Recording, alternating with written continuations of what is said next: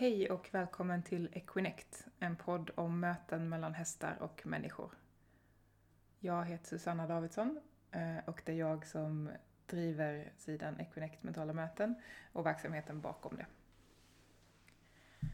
Så, nu har jag skjutit upp att skapa det här första eh, poddavsnittet i ett par månader ungefär. För att jag har velat att det ska vara så himla bra. och eh, om jag då ska göra lite det som hästarna ber mig om, det vill säga acceptera att eh, vissa saker kommer vara bra och vissa saker kommer jag bedöma som inte tillräckligt bra. Um, men att faktiskt förstå att det är okej okay, och att jag är okej okay ändå. Um, så kastar jag mig helt enkelt ut och gör det här poddavsnittet ändå. Fast jag inte känner mig kanske helt redo uh, och fast det inte kommer vara perfekt. Um, och det här är en av de saker som vi kommer prata om. Eh, vi kommer prata om hur hästar kan lära oss, inspirera oss. Eh, vi kommer prata om personlig utveckling, eh, om, om hur vi kan möta oss själva på ett annat sätt för att vara mer öppna inför mötet med hästar. Um, ibland kommer jag med mig gäster i podden uh, för att intervjua dem om, om deras gåvor och deras guld så att vi får ta del av så många människors synvinklar som möjligt. Um, men centralt för den här podden kommer vara möten mellan hästar och människor på olika sätt. Mm, det kommer vara, ibland kommer det handla om rent praktiska möten med hästar. Hur kan vi ha en, ett etiskt förhållningssätt till hästar och hästträning? Um, men väldigt mycket kommer handla om vad hästar kan lära oss, eh, vad de kan påminna oss om. Och också saker vi kan göra i oss själva för att vara mer tillgängliga för de lite djupare mötena med hästar. Så det här är en podd som jag önskar hade funnits eh, för några år sedan när jag stod i alla de här frågorna och hade tack och lov ett gäng människor runt mig. Men det hade också varit skönt att ha ännu mer en tribe-känsla av att eh, vi är många som, som vill se på hästar på ett annat sätt. Eh, som, som vill se eh, djupet i dem och inte bara vad de kan bidra med rent praktiskt för oss, vad de, vad de kan tjäna oss med, utan också eh, hur de kan lära oss saker eh, och hur vi tillsammans kan bli mer än vi hade kunnat bli var för sig. Så i det här första lite så introduktionsavsnittet så vill jag ta en liten presentation av var jag befinner mig och hur min vardag ser ut just nu. Vissa av er har följt Tina som min tidigare podd, Häst och ryttare, en podcast med Susanna och Tina, eh, och har följt en del av min tidigare resa där och för er som inte har gjort det så finns det tre år här för mig av eh, dokumentation från Tina som min eh, utveckling eh, av, eh, av att ifrågasätta olika sätt att se på hästar till, till att landa in i Um, att verkligen försöka höra hästar både rent telepatiskt och också i, i att hästen får ha mm, en röst i, i hur vi möter dem och hur vi tränar dem. Så jag fick min första häst på julafton när jag var fyra. Då hade jag kunnat säga ordet häst sen sen jag var riktigt liten. Mina föräldrar säger att det var ett av de första orden jag lärde mig säga. Så jag gissar att det här med hästar har varit med mig i långt, långt tillbaka.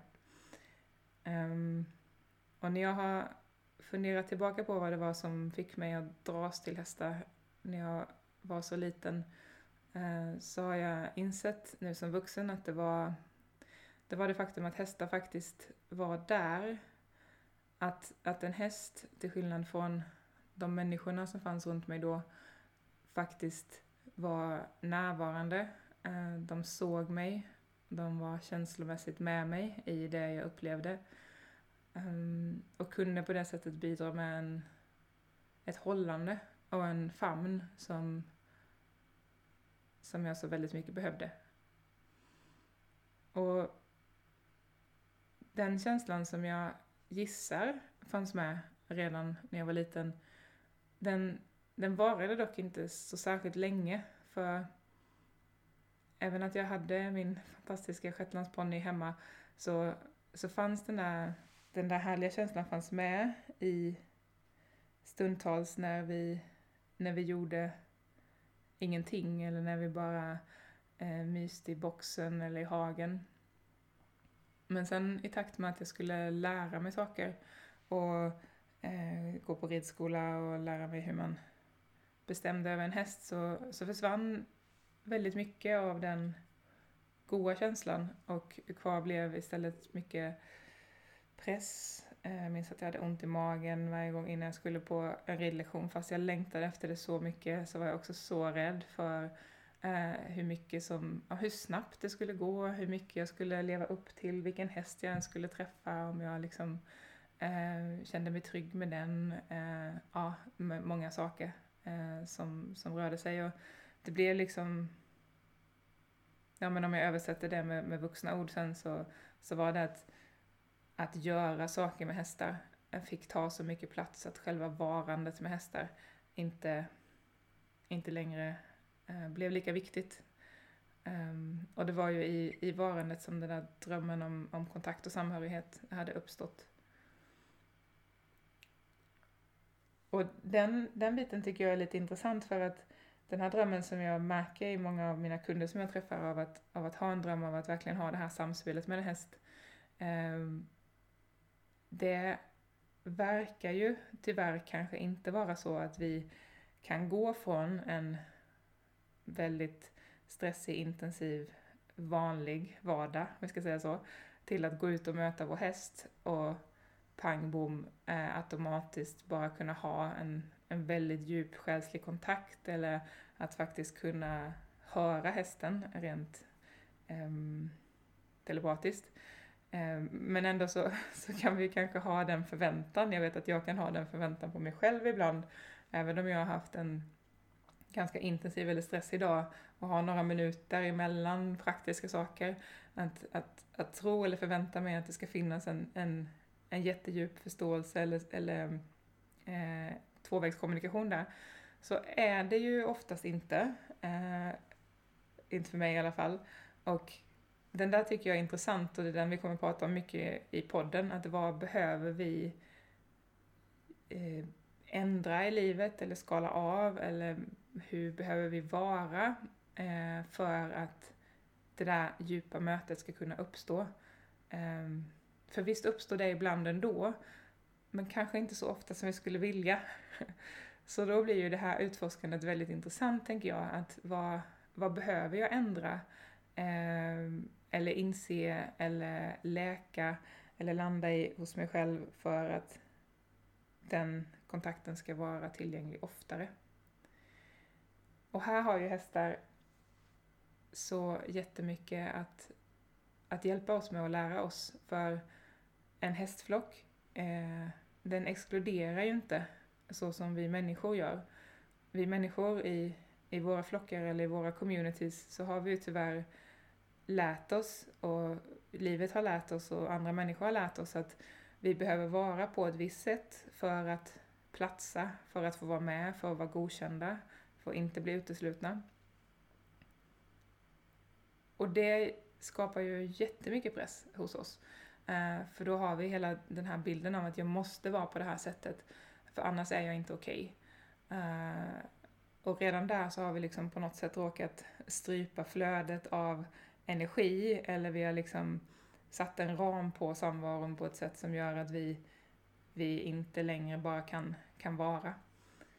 Medan hästar då inte ser på oss på det sättet. Eh, hästar, och det här kommer vi gå in djupare på i ett avsnitt längre fram när vi pratar om hur en hästflock är uppbyggd utifrån vad Emily Kajstostes hästar har, har lärt mig. Vi kommer prata om flockdynamik och så. Men kortfattat så, så hästar är totalt ointresserade av våra svagheter. Det som vi människor tänker är dåligt med oss. Eh, det är ganska irrelevant i en flock, för i en flock där man behöver samarbeta, där är det intressanta, vad är du riktigt bra på? Vad är din styrka? Vad är dina styrkor? Vad är dina gåvor? Mm. Och en hästflock bygger på att vi alla kan optimera just vår kapacitet och, och maxa den vid rätt tillfälle. Så den som hör bäst eh, är mest aktiv när det är någon, något rovdjur som lurar i buskarna. Eh, eller den som är mest kreativ är mest aktiv när man ska hitta en ny lösning på någonting och så vidare. Um, så för det första då så är hästar intresserade av vad är det som, vad är det som du gör bra uh, och hur kan du göra det ännu bättre? Medan de samtidigt inte bryr sig om de där sakerna som vi från ett rent mänskligt perspektiv skulle tycka var dåligt eller fel eller för mycket eller för lite med oss. Och den andra grejen är att de inte vill exkludera oss, utan från en hästs synvinkel så, så tänker de så här att du finns, eh, alltså är du med. Så ditt värde är eh, redan bekräftat genom att du finns. Eh, ditt värde finns genom att du existerar. Du behöver inte bidra med någonting för att förtjäna eh, deras kärlek eller för att förtjäna att bli sedd eller för att förtjäna att vara med i gruppen. Här finns det ju mycket som vi människor kan inspireras av, tänker jag, från hästar och läka tillsammans med hästar. Men det kräver att vi är modiga nog att släppa ner garden och, och visa oss och visa oss själva, vilket vi också kommer återkomma mycket till. Ehm, för det vi har lärt oss när vi är ute och möter samhället, eh, vi människor, är ju att vi plockar på oss en rustning eller skydd eller olika försvarsmekanismer som gör att vi inte visar oss, för vi är rädda att visa oss, för då kanske vi inte får vara med längre. Och den rustningen, den lägger sig emellan eh, kontakten med hästar eller andra djur eller naturen eller alltet. Um, och jag tänker att det är den som vi kanske, den, den kontakten och den icke-rustningen som kanske var lite mer naturlig för oss när vi var barn, som, som gjorde att vi också längtade och kanske fortfarande drömde ännu mer om, om den där riktigt djupa kontakten med hästar. Eh, som vi kanske, liksom mig, eh, stundtals tappade bort längs med vägen när det handlade mer sen om att göra, att prestera, att vara bra nog Eh, tillsammans med hästen. Att, att hästen kanske till och med blev ett sätt för oss att visa vårt värde. Eh, att kunna visa, titta vad jag kunde få min häst att göra. Eh, och där har vi liksom igen satt oss ganska långt ifrån ehm, en riktig kontakt med hästen och istället gjort hästen till, till en del av vår, vår bekräftelse, en del av vårt bekräftelsebehov till exempel. Det finns ett sätt att dela in um, olika egenskaper på, eller olika energier på, eh, inom andlighet bland annat, där man säger att det finns eh, något som heter feminin energi och det finns något som heter maskulin energi. Och eh, de här energierna har man oavsett vilket kön eller könstillhörighet man har. Eh, men ehm, utifrån hur vi lever i vårt västerländska samhälle så premierar vi en viss typ av energi, den maskulina energin, före den feminina energin. Så maskulin energi handlar om att få saker gjort, eh, att eh, vara målfokuserad, att vara driven, att vara handlingskraftig, eh, ja men att ha fokus kan man säga, kortfattat. Och det är en, en väldigt eh, viktig energi för att få, få saker att hända, eh, som är sund att ha, men den kan också gå över i en osundhet där vi eh, Eh, då får maskulin energi i obalans och då handlar det om att pressa sig själv för hårt, att eh, köra över andra, eh, till exempel hästen, eller köra över oss själva, att inte vila, att inte lyssna på våra behov, eh, att, att armbåga sig fram kan man säga. Om man tänker på hur de flesta traditionella arbetsplatser ser ut så, så är det mycket maskulin energi, både den balanserade och den obalanserade. Eh, som premieras eh, och framhålls. Och när vi hamnar i den energin med hästar eh, så blir det oftast inte så bra. För där har vi liksom råkat bli väldigt mycket individer, att det handlar om mig och inte så mycket att det handlar om gruppen eller det kollektiva, att det handlar om oss. Sen har vi då också den feminina energin som i balans handlar om att känna, Eh, att vara i i sig själv, i sin kropp, i stillhet, i flow, eh, använda sin intuition, att vara i kontakt med, med alltet, med sina sinnen. Och när den här energin blir obalanserad så kan den handla om att gå så pass djupt in i sina känslor så man kanske drunknar lite i dem, att, eh, eh, att ge bort sin makt, eh, att, att bli ett offer, att bli passiv, att ge upp. Um, och den feminina energin i balans är någonting som vi i den här delen av världen ofta skulle gynnas av att ta in lite mer i vårt liv. Um, oavsett om vi är män eller kvinnor. Uh, för vi behöver mer av att stanna upp, lyssna på oss själva, lyssna på kroppen, lyssna på känslorna.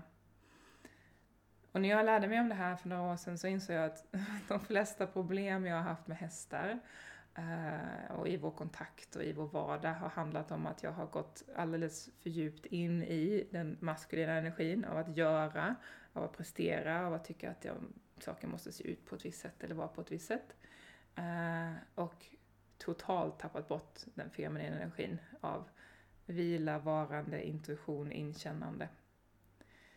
Um, och tänker man tillbaka på den där djupare kontakten som, som jag längtade efter, som fick mig att dras till hästar, eh, så tänker jag att den, den behöver uppstå primärt från den feminina energin. Det Betyder inte att vi inte kan göra saker tillsammans med våra hästar. Ehm, men att ska vi göra det verkligen tillsammans så behöver vi ha kvar den där kontakten i det vi gör.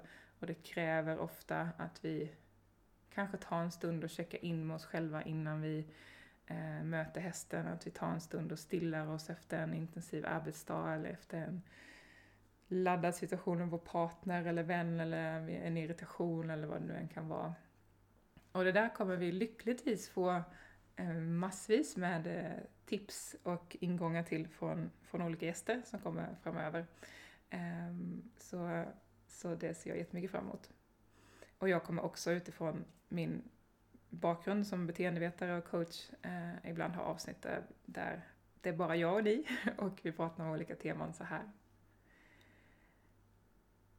Så huvudtema och ingången i den här podden kommer vara att, att ha hästen som som ett sätt att hitta hem till sig själv, kan man säga. Eh, ett, ett sätt att, att landa mer i sig själv och det som jag tänker är mer av den egentliga sanningen. Det vill säga att vi räcker till precis som vi är, att vi inte behöver ändra någonting, eh, att de flesta av våra problem faktiskt kommer från att vi tror att vi måste prestera och att vi kan lösa väldigt mycket av att, att få tillåtelse till att vara de vi är, känna det vi känner. Ehm, och eh, att det är där vi också kan hämta mycket inspiration från hästarna eftersom de kan se och möta oss i det på ett sätt som vissa människor kan men kanske inte alla människor kan. Mm. Så hästar har funnits med mig hela livet. Eh, och jag har eh, haft hästar i mitt företag på olika sätt de senaste tio åren. Um, och jag tänker att jag vill berätta en del av hur mitt liv ser ut precis just nu och eh, avsluta det här poddavsnittet med en introduktion kring, en, inte introduktion, en presentation kring de hästar som jag lever med här just nu. Så jag bor på en gård eh, på Österlen utanför Brösarp. Eh, jag hyr en lägenhet på en lite större gård där jag också hyr in mina hästar. Och på gården finns också ett tiotal fler hästar än mina som är gårds, gårdens hästar. Eh, så vi bor här mitt i, i bokskogar eh, och jag är fantastiskt tacksam för det.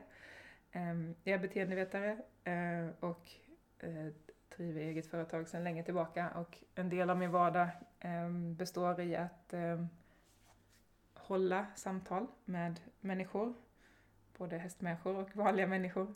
Jag har skrivit en, en bok som heter Tänk dig fri, eh, som är en självutvecklingsbok Ehm, som man kan eh, läsa på egen hand eller studera tillsammans med mig som, som guide.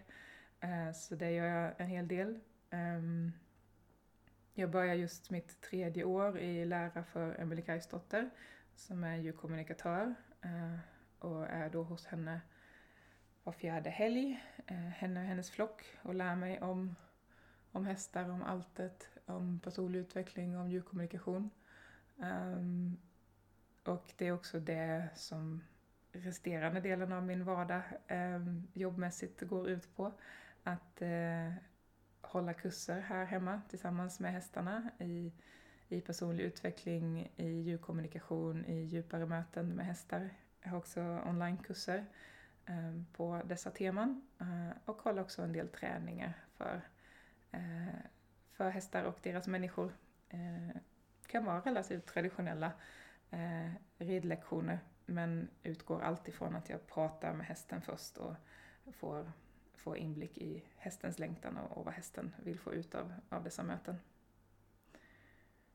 Och på tal om hästar då, så bor jag här med, med de hästarna som ingår i min flock. Ehm, um, för er som följer oss på Instagram och Facebook eh, så känner ni till flera av dem, eller alla av dem. Eh, så jag har dels Golden Eye, som är nordsvensk. Eh, han är tio år i år. Mm, honom har jag haft i sex år. Han är en eh, väldigt vänlig häst. Det finns väldigt, ett väldigt stort hjärta där. Ehm, men han är också så pass vänlig så att han ibland kan tappa bort sig själv i det. Ehm, vilket han mm, dels hade gjort när jag köpte honom och också säkert gjorde i förhållande till mig eh, i början av vår relation. Ehm, han, hans roll i, i flocken är primärt fredsmäklare oftast. Um, en fredsmäklare är den som uh, är ansvarig för relationerna i flocken och som har lite pejl på vad som händer mellan olika individer och som kan, um, kan bidra till att det blir en viss stämning i flocken eller, eller mellan individer. Och det, eh, det gör att han, han har en möjlighet att liksom vara lite grann så här, stämningen i rummet, eller vibben mellan individer. Och i det så, så finns det ju en, en möjlighet att liksom gå upp i någonting annat, eller gå upp i andra. Eh, så jättemycket de här åren tillsammans med Emily så, och det vi har gjort hos Emily och hemläxorna vi sen har fått eh, och tagit med oss hem har, har verkligen hjälpt Golden att hitta mer av sin egen eh, stabilitet och vem han är. Eh, och, och tillåtelsen i att få vara det och där är ju jag en stor med, medskyldig, jag är medskyldig till att han tidigare inte har kunnat vara det, för jag tidigare var mer inriktad på att eh, det här och det här ska vi kunna göra tillsammans. Um, och i takt med att jag har plockat bort det så har han också kunnat landa in i att vara trygg i att, att han är okej okay precis så som han är med, med det han vill eller inte vill göra. Mm. Och Golan tycker verkligen om att eh, bara vara.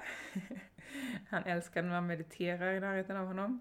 Eh, han älskar när det kommer hit folk. Eh, det är ju han som är en av, en av de två som är mest aktiva i att, att se till att jag faktiskt vågade börja ha kurser här. Uh, och uh, uh, första gången som min vän och kollega Lina och jag hade Gathering of the Horse Tribe här, vilket är en sammankomst för, för lite fler folk där Lina och jag teamar upp och kopplar samman oss och, och, och pratar både energiarbete och personlig utveckling och, och hästkommunikation. Um, då eh, stod han ju såklart och tog emot alla när de kom eh, här, här vid grinden. Och sen Eh, så var människorna här fredag, lördag, söndag. På måndagen så kom det en, en okänd bil upp på gården eh, och då var han längst bort i hagen. Och det här är en jättestor hage så det är flera hundra meter. Och Golden är då en ganska stor nordsvensk. Och så fort han såg den här bilen så, så spetsade han öronen och så kom han och galopperade hela vägen upp från skogen till lösdriften. Det är inte så vanligt att han galopperar i hagen, särskilt inte själv. Eh, och liksom bara under tiden han galopperade så bara, eh, så bara hörde man så här Åh, de kom igen, de kom igen! Eh, och då fick jag ju säga så här, nej, det är tyvärr inte de gollen. Eh, nu kommer det dröja lite innan det kommer folk hit till dig igen. Men så mycket älskar han när det kommer hit folk. Ehm, och nu gör det ju tack och lov det oftare, eh, så det är ju härligt. Eh, det är för övrigt en, en så fantastisk grej som jag inte insåg från början. Att jag tänkte när jag började hålla, dels när Lina och jag började hålla gatherings och också när jag började hålla um, kurser, eh, andra kurser här hemma med hästarna så tänkte jag att ah, men jag förstår att, att det här kommer vara eh, fint för människorna och de kommer lära sig saker och förhoppningsvis liksom växa och frigöras. Um, men jag förstod faktiskt inte från början hur mycket det skulle ge hästarna uh, att de här människorna kom hit. Um, för det här är ju som sagt hästar som verkligen har valt att delta. Uh, till skillnad från hur jag gjorde det här första gången jag hade hästar i ett företag för tio år sedan när det inte var så mycket hästens val att delta i terapi och behandling av människor utan mer så här, så här ska vi göra. Så är det inte nu, utan det här hade inte hänt om inte mina hästar hade pushat mig och bett om det. För jag hade rätt mycket motstånd till det för att jag kan också se att det inte alltid är så bra att, att ha hästar i, i ja, men i, som terapeutroll för människor helt enkelt, för att alla vill inte det. Um, men vad jag såg eh, efter kurserna här var att det hände ju, utöver att alla de här fina sakerna hände i människorna som var här, så hände det också så mycket i hästarna eh, här. Eh, hästarna fick ju möten och upplevelser som de aldrig hade fått om det bara hade varit jag här. Eh, och tack vare att de här människorna kommer med sin historia, sin bakgrund, eh, sina sår, sina osäkerheter, sina gåvor, eh, så kunde hästarna också få helt andra upplevelser och eh, utveckla andra saker och läka andra saker i sig själva än de hade kunnat om inte människorna kom. Eh, så det har också varit helt fantastiskt att se Golden och de andra hästarna växa in i den rollen. Nu senast när eh, vi hade vår första eh, längre kurs som består av, av fyra eh, heldagstillfällen och eh, då fick hästarna designa varsin dag. Golden hade en dag som bland annat handlade om vänskap och att möta hästar i, i den, den vänliga frekvensen. Eh, han var så, så, så nöjd. Jag tror jag aldrig har sett honom så nöjd. Och när vi gjorde en meditation som han hade varit med och guidat så, eh, så la han sig ner i halmen i lösdriften eh, runt oss och eh, eh så kunde deltagarna sen gå fram till honom när han, när han låg där eh, och tanka in hans energi och slutligen så satte sig alla deltagarna runt honom. Det är ju åtta för honom ganska okända människor då. och då lägger han sig ner på sidan medan de sitter och håller på honom, är i den frekvensen som, som han har bett dem att vara i. Det är så, så vackert och jag är så tacksam för att få göra, äh, göra det. Ehm, um, Golden var också en av de primära anledningarna till att jag verkligen slutade använda negativ förstärkning, vilket vi också kommer att prata om framöver. Alltså att eh, om hästen inte gör eh, det man ber om så, så får den en negativ, eller negativ förstärkning och positivt straff. Eh, att, att, eh, att hästen gör som man ber om, annars så eh, får den ont eller den, den gör som man ber om för att eh, det har gjort ont om det slutar göra ont när, eller var obehagligt eller läskigt när man Eh, när den gör rätt så att säga. Och istället börja använda mer positiv förstärkning. Ehm, att träna in saker genom att om, om du gör det jag ber om så, så blir det trevligt, då får du kli eller godis. Eh, för han blev så himla ledsen eh, av att att jag kunde gå från att vara i det här trevliga, härliga vänskapsläget med honom till att, att faktiskt använda ett spö på honom eller använda en hård, hård skänkel eller dra i grimman. Han, för honom blev det liksom så här, men, men vi var ju vänner precis. Och, och så är vi inte det längre. Vad hände? Och, och blicken i hans ögon var som att han blev helt känslosam. Han står också utanför fönstret här och tittar på mig. um, blicken han gav mig då var liksom som att jag, jag krossade hans hjärta varje gång för att, att jag, jag, han trodde att han kunde lita på mig uh, och så kunde han inte det. Eh, så han var en av de stora anledningarna till att jag eh, sökte mig vidare för, vad är om det är tre eller fyra år sedan nu eh, till, till den världen. Vi kommer snart ha min goda vän Anna Hjelmroth på besök och prata ännu mer om positiv förstärkning och, och jag kommer förklara mer av vad det är för er som inte vet och varför jag väljer det. Så. Eh, på det temat eh, så vad jag inte nämnde i början var att den här podden kommer ha energin av ett utforskande. Jag menar på inget sätt att det jag pratar om här är sanningen. Eh, och definitivt inte den enda sanningen. Och jag lär mig ständigt och omvärderar ständigt. Eh, så eh, som ni kommer märka ifall den här podden blir långlivad så kommer utveckling ske här.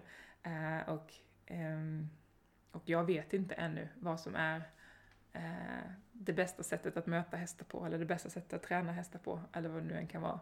Ehm, men, men jag är nyfiken på att lära mig eh, och, och testa och känna. Eh, och tänker att det kan vara kul ifall någon vill hänga med på den resan i det utforskandet. Eh, jag har också en häst som heter Epona. Hon är halvblod, hon är nio år i år.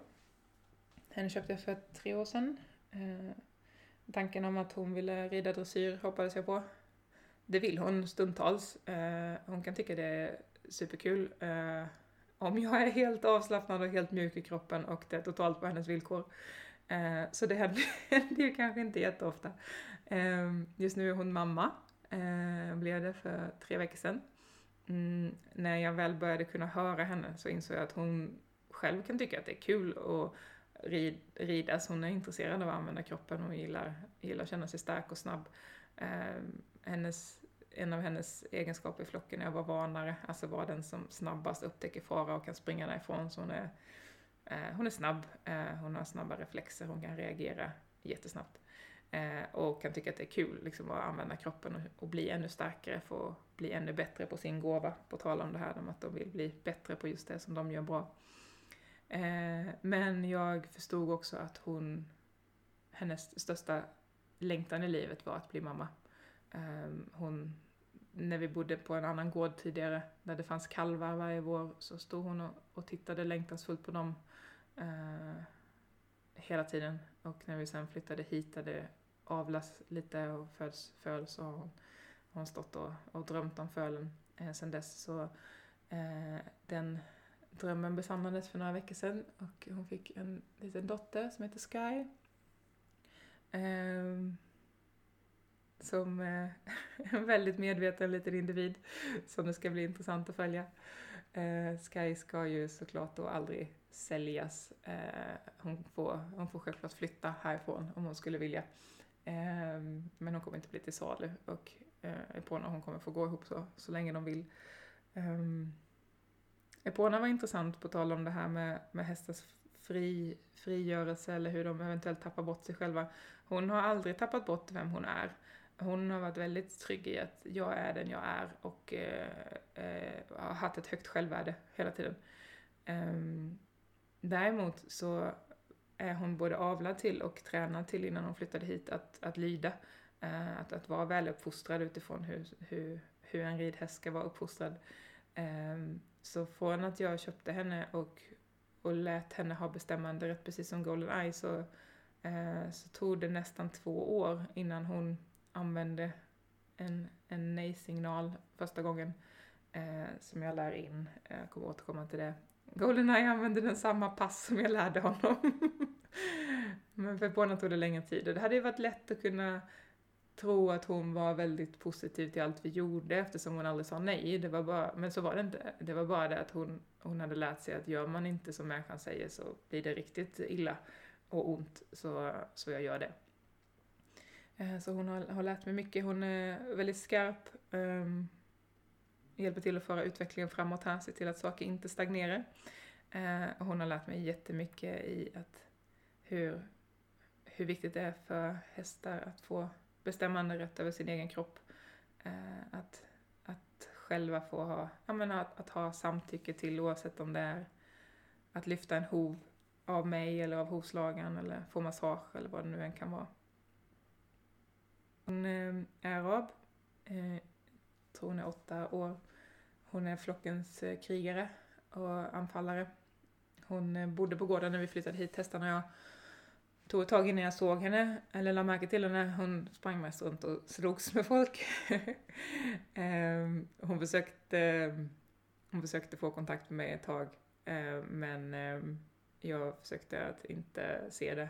Eh, för att jag tänkte rent mänskligt utifrån att ja, jag vet inte, ska jag ha en tredje häst så vill jag ha en häst som jag kan rida på och som kanske inte är en citat problemhäst. Eh, som, eh, ja, eh, plus att det då hade kommit en annan häst in i, i mitt liv, Ami, den fjärde hästen här som är eh, ett halvblod, svart, eh, fantastiskt vänlig och tålmodig. Och så tänkte jag, ja men ska jag köpa någon så ska jag väl köpa henne. Och Ami tog jättemycket kontakt med mig i början när hon kom hit. Hon är född här men var på en, en tillridning som inte blev så bra så kom hon tillbaka hem hit. Och Eh, då tänkte jag när hon började hänga med mig, Golden och Epona mycket, att ah, men då är det ju henne jag ska ha. Men sen slutade hon med det. Eh, så hon bara eh, slutade ta kontakt med mig och ville inte alls veta av mig. Så det blev aldrig att jag köpte Ami, det stora halvblodet, utan jag hade fortfarande bara Golden och Epona.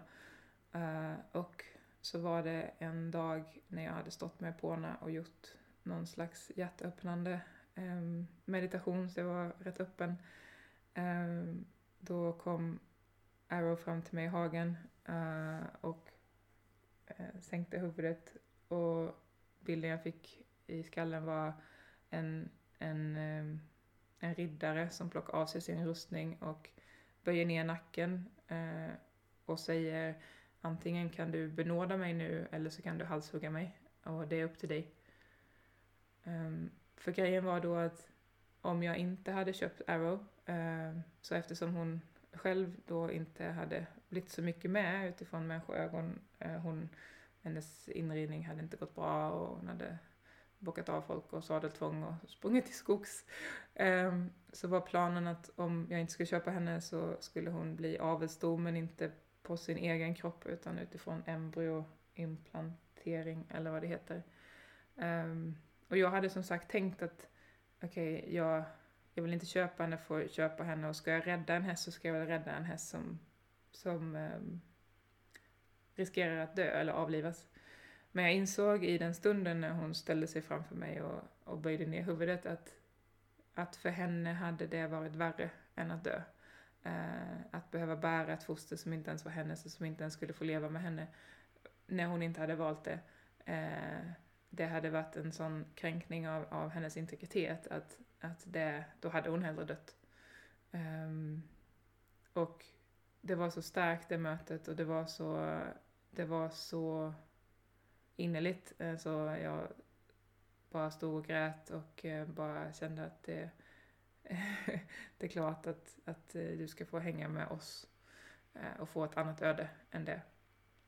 Och intressant nog sen, Eh, på tal om det, vad jag ska ha henne till, som är en ganska frekvent fråga och som, som sagt som även fanns hos mig, eh, så har det ju visat sig sen att hon, hon är den som har skapat flest meditationer åt mig, eh, varit med och skrivit onlinekurserna, eh, som verkligen vill använda sin beskyddarinstinkt till att stå vid min sida i, i det här arbetet för att föra samman hästar och människor.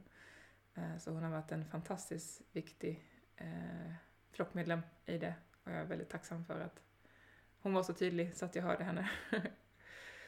Um, och sen fjärde hästen då, Ami, den stora svarta halvblodet, eh, dagen efter jag hade skrivit på papperna på Arrow. Så eh, då hade det gått flera månader sedan Ami hade velat veta av mig.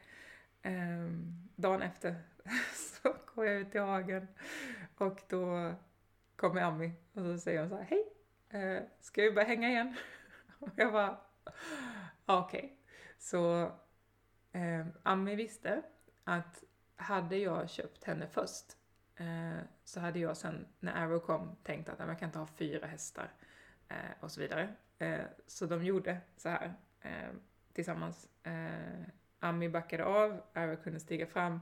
Så fort det var färdigt, Eh, Abba var trygg i att hon ingick i flocken, så kunde Ami komma tillbaka och säga men du, eh, jag också. Eh, och det var smart av dem. Ami är en fantastisk lärare Eh, hon, hon är tålmodig, hon, hon eh, kan hålla space, eh, hon är den jag kan gå till när jag behöver eh, bara att ha en trygg, trygg famn eller hamn att vila i. Eh, jag äger inte henne än, eh, mest av ekonomiska anledningar och av att för henne har det inte varit viktigt ännu att, att jag har henne på pappret så som det var för Arrow. Eh, men, men hon är definitivt en del av, av flocken och, och kommer, också, kommer också rent eh, ekonomiskt, juridiskt vara var min framöver. Men ehm, eh, och hon har också precis blivit mamma. Det är en fantastisk eh, liten hingst. Eh, så det är många hästar här nu, eh, plus att det finns gårdens hästar också. Eh, och för er som är här på utbildningen så är det primärt dessa som ni träffar, men ni träffar också de andra på, på gården för de vill inte missa chansen att, eh, att möta människor så här. Så, ehm, det var det jag tänkte dela med er i detta första poddavsnitt. Ehm, jätteglad för att ni lyssnar. Um, jag vet inte ännu hur frekvent eller infrekvent den här podden kommer komma ut. Eh, vi får se. Eh, men eh, ni följer mig på, på Equinect, möten mellan hästar och människor på Facebook och Instagram. och så hoppas jag att vi ses eller hörs framöver. Hejdå!